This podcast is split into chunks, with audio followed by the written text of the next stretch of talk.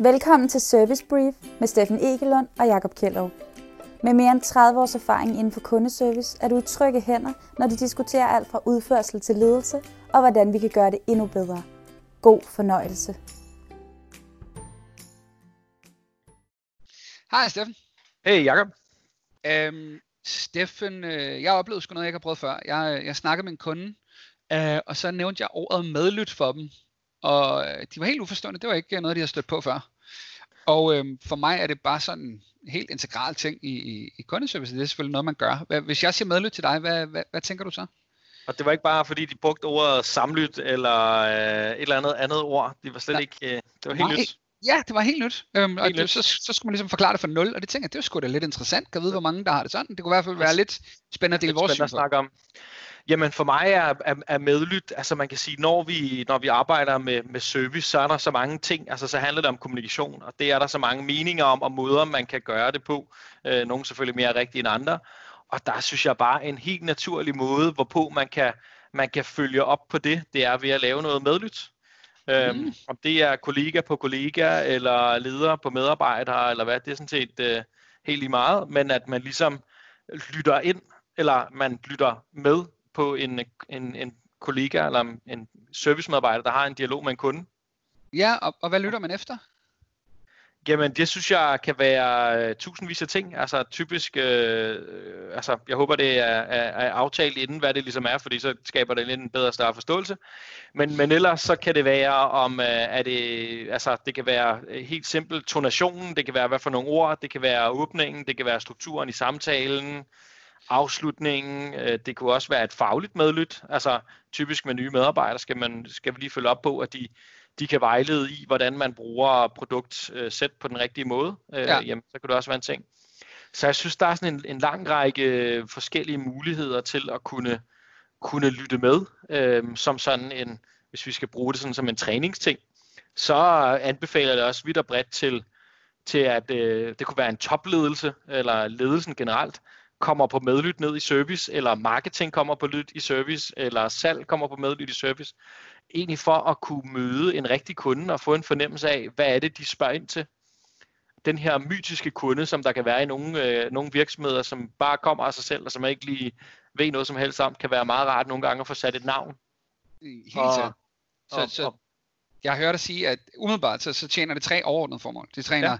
dygtiggørelse af kommunikation, øh, ja. enten øh, kollega til kollega eller leder, til, der, der løber med på en medarbejder.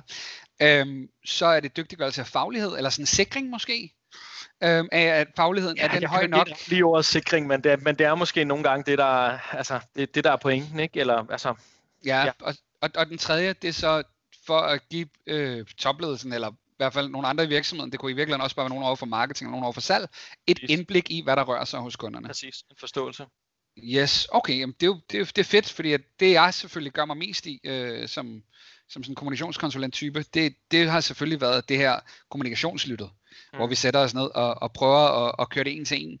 Jeg har også oplevet, at virksomheder de har skiftet helt det her ud, og i stedet for, så sidder der så en gruppe ledere, og sidder og vurderer Altså, så tager de nogle tilfældige samtaler ud fra øh, fem forskellige medarbejdere, så sidder de og lytter tre samtaler fra hver medarbejder og rater dem og bliver enige om, er det her godt, er det her dårligt. Hvad, er, er det noget, I har dyrket, og hvad, hvad tænker du om, om den løsning?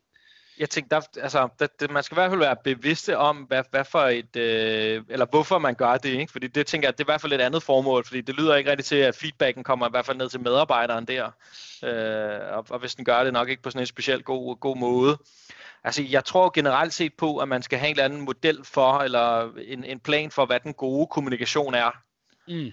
Øh, og hvordan man så finder den, det har jeg selvfølgelig en holdning til, men, men der kan være flere veje til, ja. uh, til, til den måde.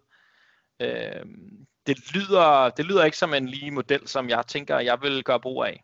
Nej, det er, jeg er heller ikke kæmpe stor fan af. Man sidder ligesom og et bruger rigtig mange menneskers tid på at vurdere noget, de ikke nødvendigvis har belæg for, og derefter så laver sådan en grov evaluering af en medarbejder på tre tilfældige samtaler, ikke? og det gør man ja. måske hver kvartal eller sådan noget.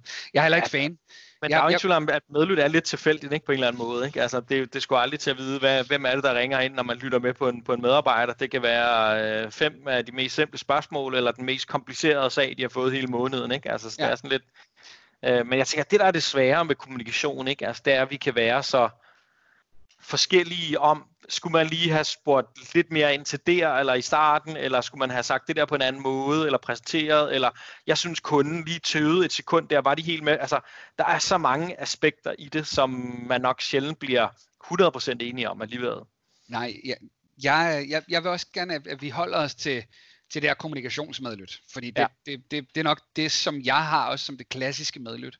Og ja. der synes jeg, det er fedt, det du siger med, at der bliver nødt til at være en fælles præmis, et fælles udgangspunkt for, hvad er god kommunikation, ja. før man sidder og siger, hov, du siger øh en masse, og så siger den anden, jamen det der med vilje øh, det gør, at de tror, jeg lytter interesseret, eller hvad det nu kan være. Ikke? Præcis. Øhm, så, så vi bliver nødt til at have en baseline, en enighed om, hvad er den gode kommunikation. Præcis. Og er det så øh, rollen rollefordeling nu her, hvis det er to medarbejdere, det oplever jeg, må lige sige, desværre sjældent, at virksomheder har ressourcer til. Fordi at så piller man på en eller anden måde to mand ud på én gang, øhm, og det kan jo give rammeskrig. Øhm, men, men lad os sige, at, at det lykkes. Øhm, og jeg spørger så åbent her, Steff, for jeg har selvfølgelig også meget klar idé om, hvordan det skal ja. gøres. Men, men, men, men hvad sker der så? Hvem giver feedbacken, eller er det den ene, der stiller spørgsmål, eller hvordan ser du så, at det, det skal foregå, hvis det skal gå godt? Jeg, jeg, jeg har sjældent oplevet, at to øh, kollegaer kan lytte med på hinanden og give feedback. Der, altså, jeg synes, det der typisk er, det bliver rigtig meget rygklapning, og ej, hvor du god, og nej, hvor du, eller, eller så bliver det rigtig, rigtig fagligt at sådan dykke ned i en eller anden. Mm. Hvorfor sagde du til kunden, at de skulle vælge den i grøn? Det var den, det var den blå, der var den rigtige. Øh, og det er måske en anden diskussion, altså det, den, den behøver man nok ikke have til en medlytssession, så det vil jeg ikke sådan umiddelbart anbefale. Nej. Men, men ellers, altså, jeg vil helt klart tage en, en leder, eller en, en, en konsulent, øh, en træner, et eller andet, som hvis rolle var det, fordi det, det kræver også nogle, nogle discipliner inden for, hvordan giver man god feedback, hvordan sikrer man, at personen lærer noget. Øh, eksemplet kunne være det her, altså lytter vi med på en kommunikation, øh, så har man sikkert eller der jeg tit lyst til at lave 10 ting om. Men hvis jeg fortæller dig 10 ting, at jeg synes, mm. du skal lave om, så er der sikkert sådan en, en, en, en chance for, at du bare laver en af dem om, men det er nok ikke, fordi du kan huske, at jeg har sagt det, men fordi, at nå, ja, det var bare lige noget, du selv lige tænkte over. Så jeg tror meget på, at man skal kunne skabe et fokus på en af tingene, om det så lige er øh, den, der bliver lyttet på, eller den, der lytter med, der vælger det. Det kan jeg være, det kan jeg synes er, er, er fair. Øhm, det er sådan det, jeg tænker. Hvad tænker du? Noget samme stil eller noget helt andet? Nej, ja, du, du, du nailer den ret spot on. Jeg fik at vide, at jeg har jo en, en, en, en lille knægt, der er handicappet, og jeg kan huske, lige da, han, øh, da, vi, da vi gik i gang med optræning af ham, så prøvede vi alt på én gang, og der kom en og sagde til os, og vi, vi har så hørt det et par gange siden, det er derfor, jeg nævner det, det kan han ikke. Han, vi skal fokusere på én ting, og når man så kan det, så rykker vi videre til det næste. Ja. Ellers så bliver det for råd, og det samme gælder også voksne mennesker. Mm. Vi skal ikke, jeg skal ikke prøve at, både at lære at spille trækbasun, klaver og guitar på samme tid. Jeg vælger et instrument, og så, og så kører på det, indtil jeg ligesom sidder nogen i skabet. Så jeg er ja. 100% enig, at vi vælger et fokuspunkt, og det kan så også være grobund for gode en-til-en samtaler osv. bagefter.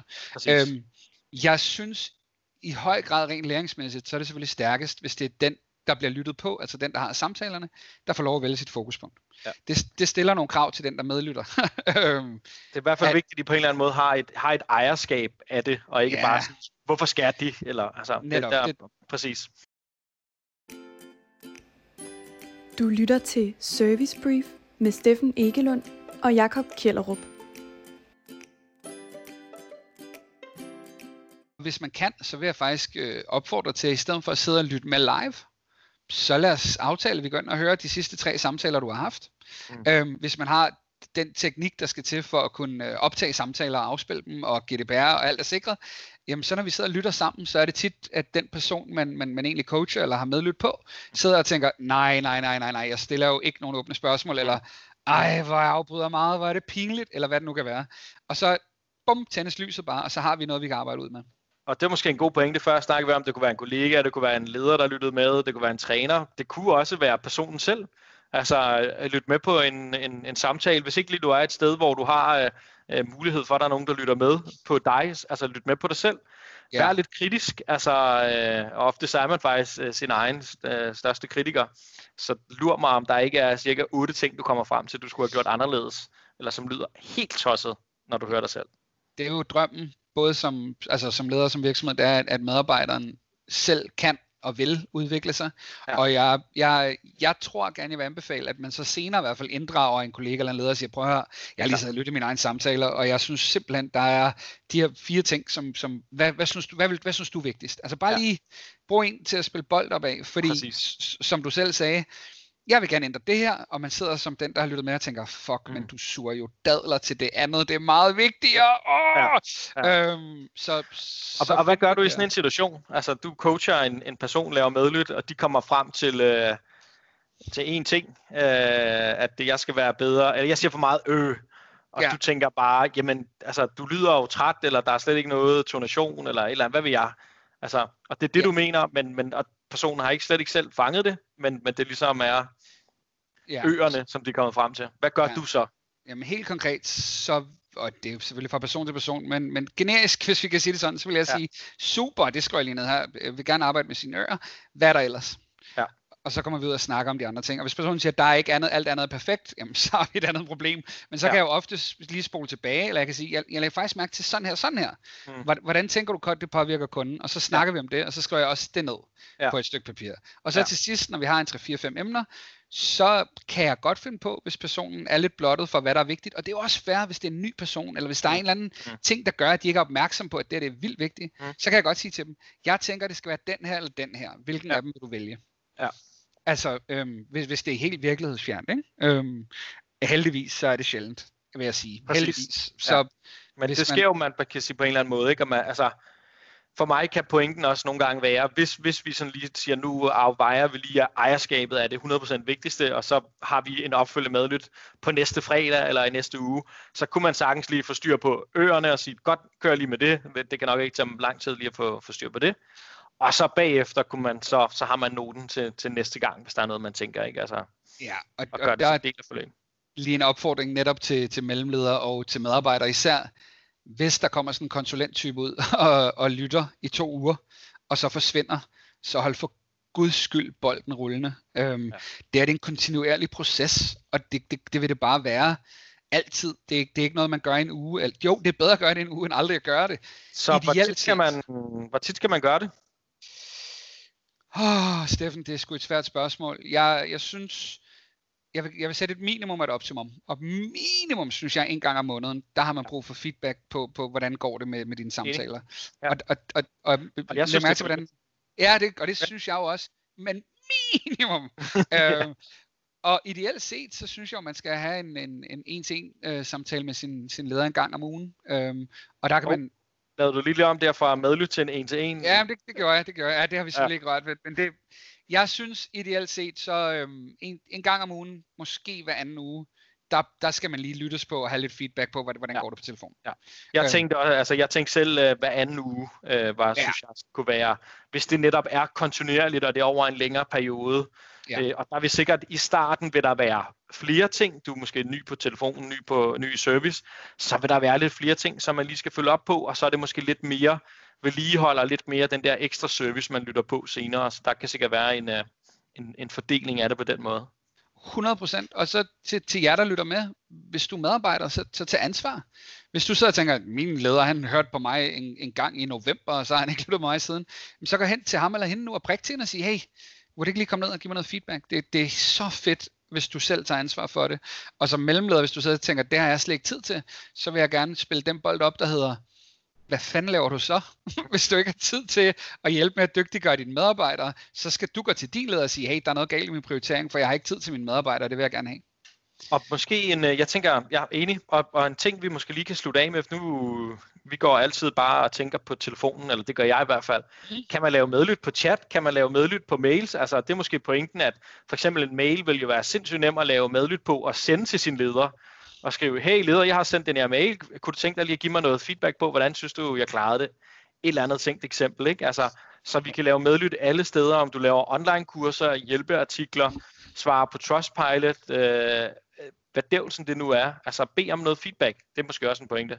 Ja, øh, og, og, ja, og, og der er nemlig forskel på, på bare feedback og så på medlyt, synes jeg. Ja, ja. Øhm, og du sagde noget af det aller, aller vigtigste i starten, det er, at vi skal have et fælles udgangspunkt.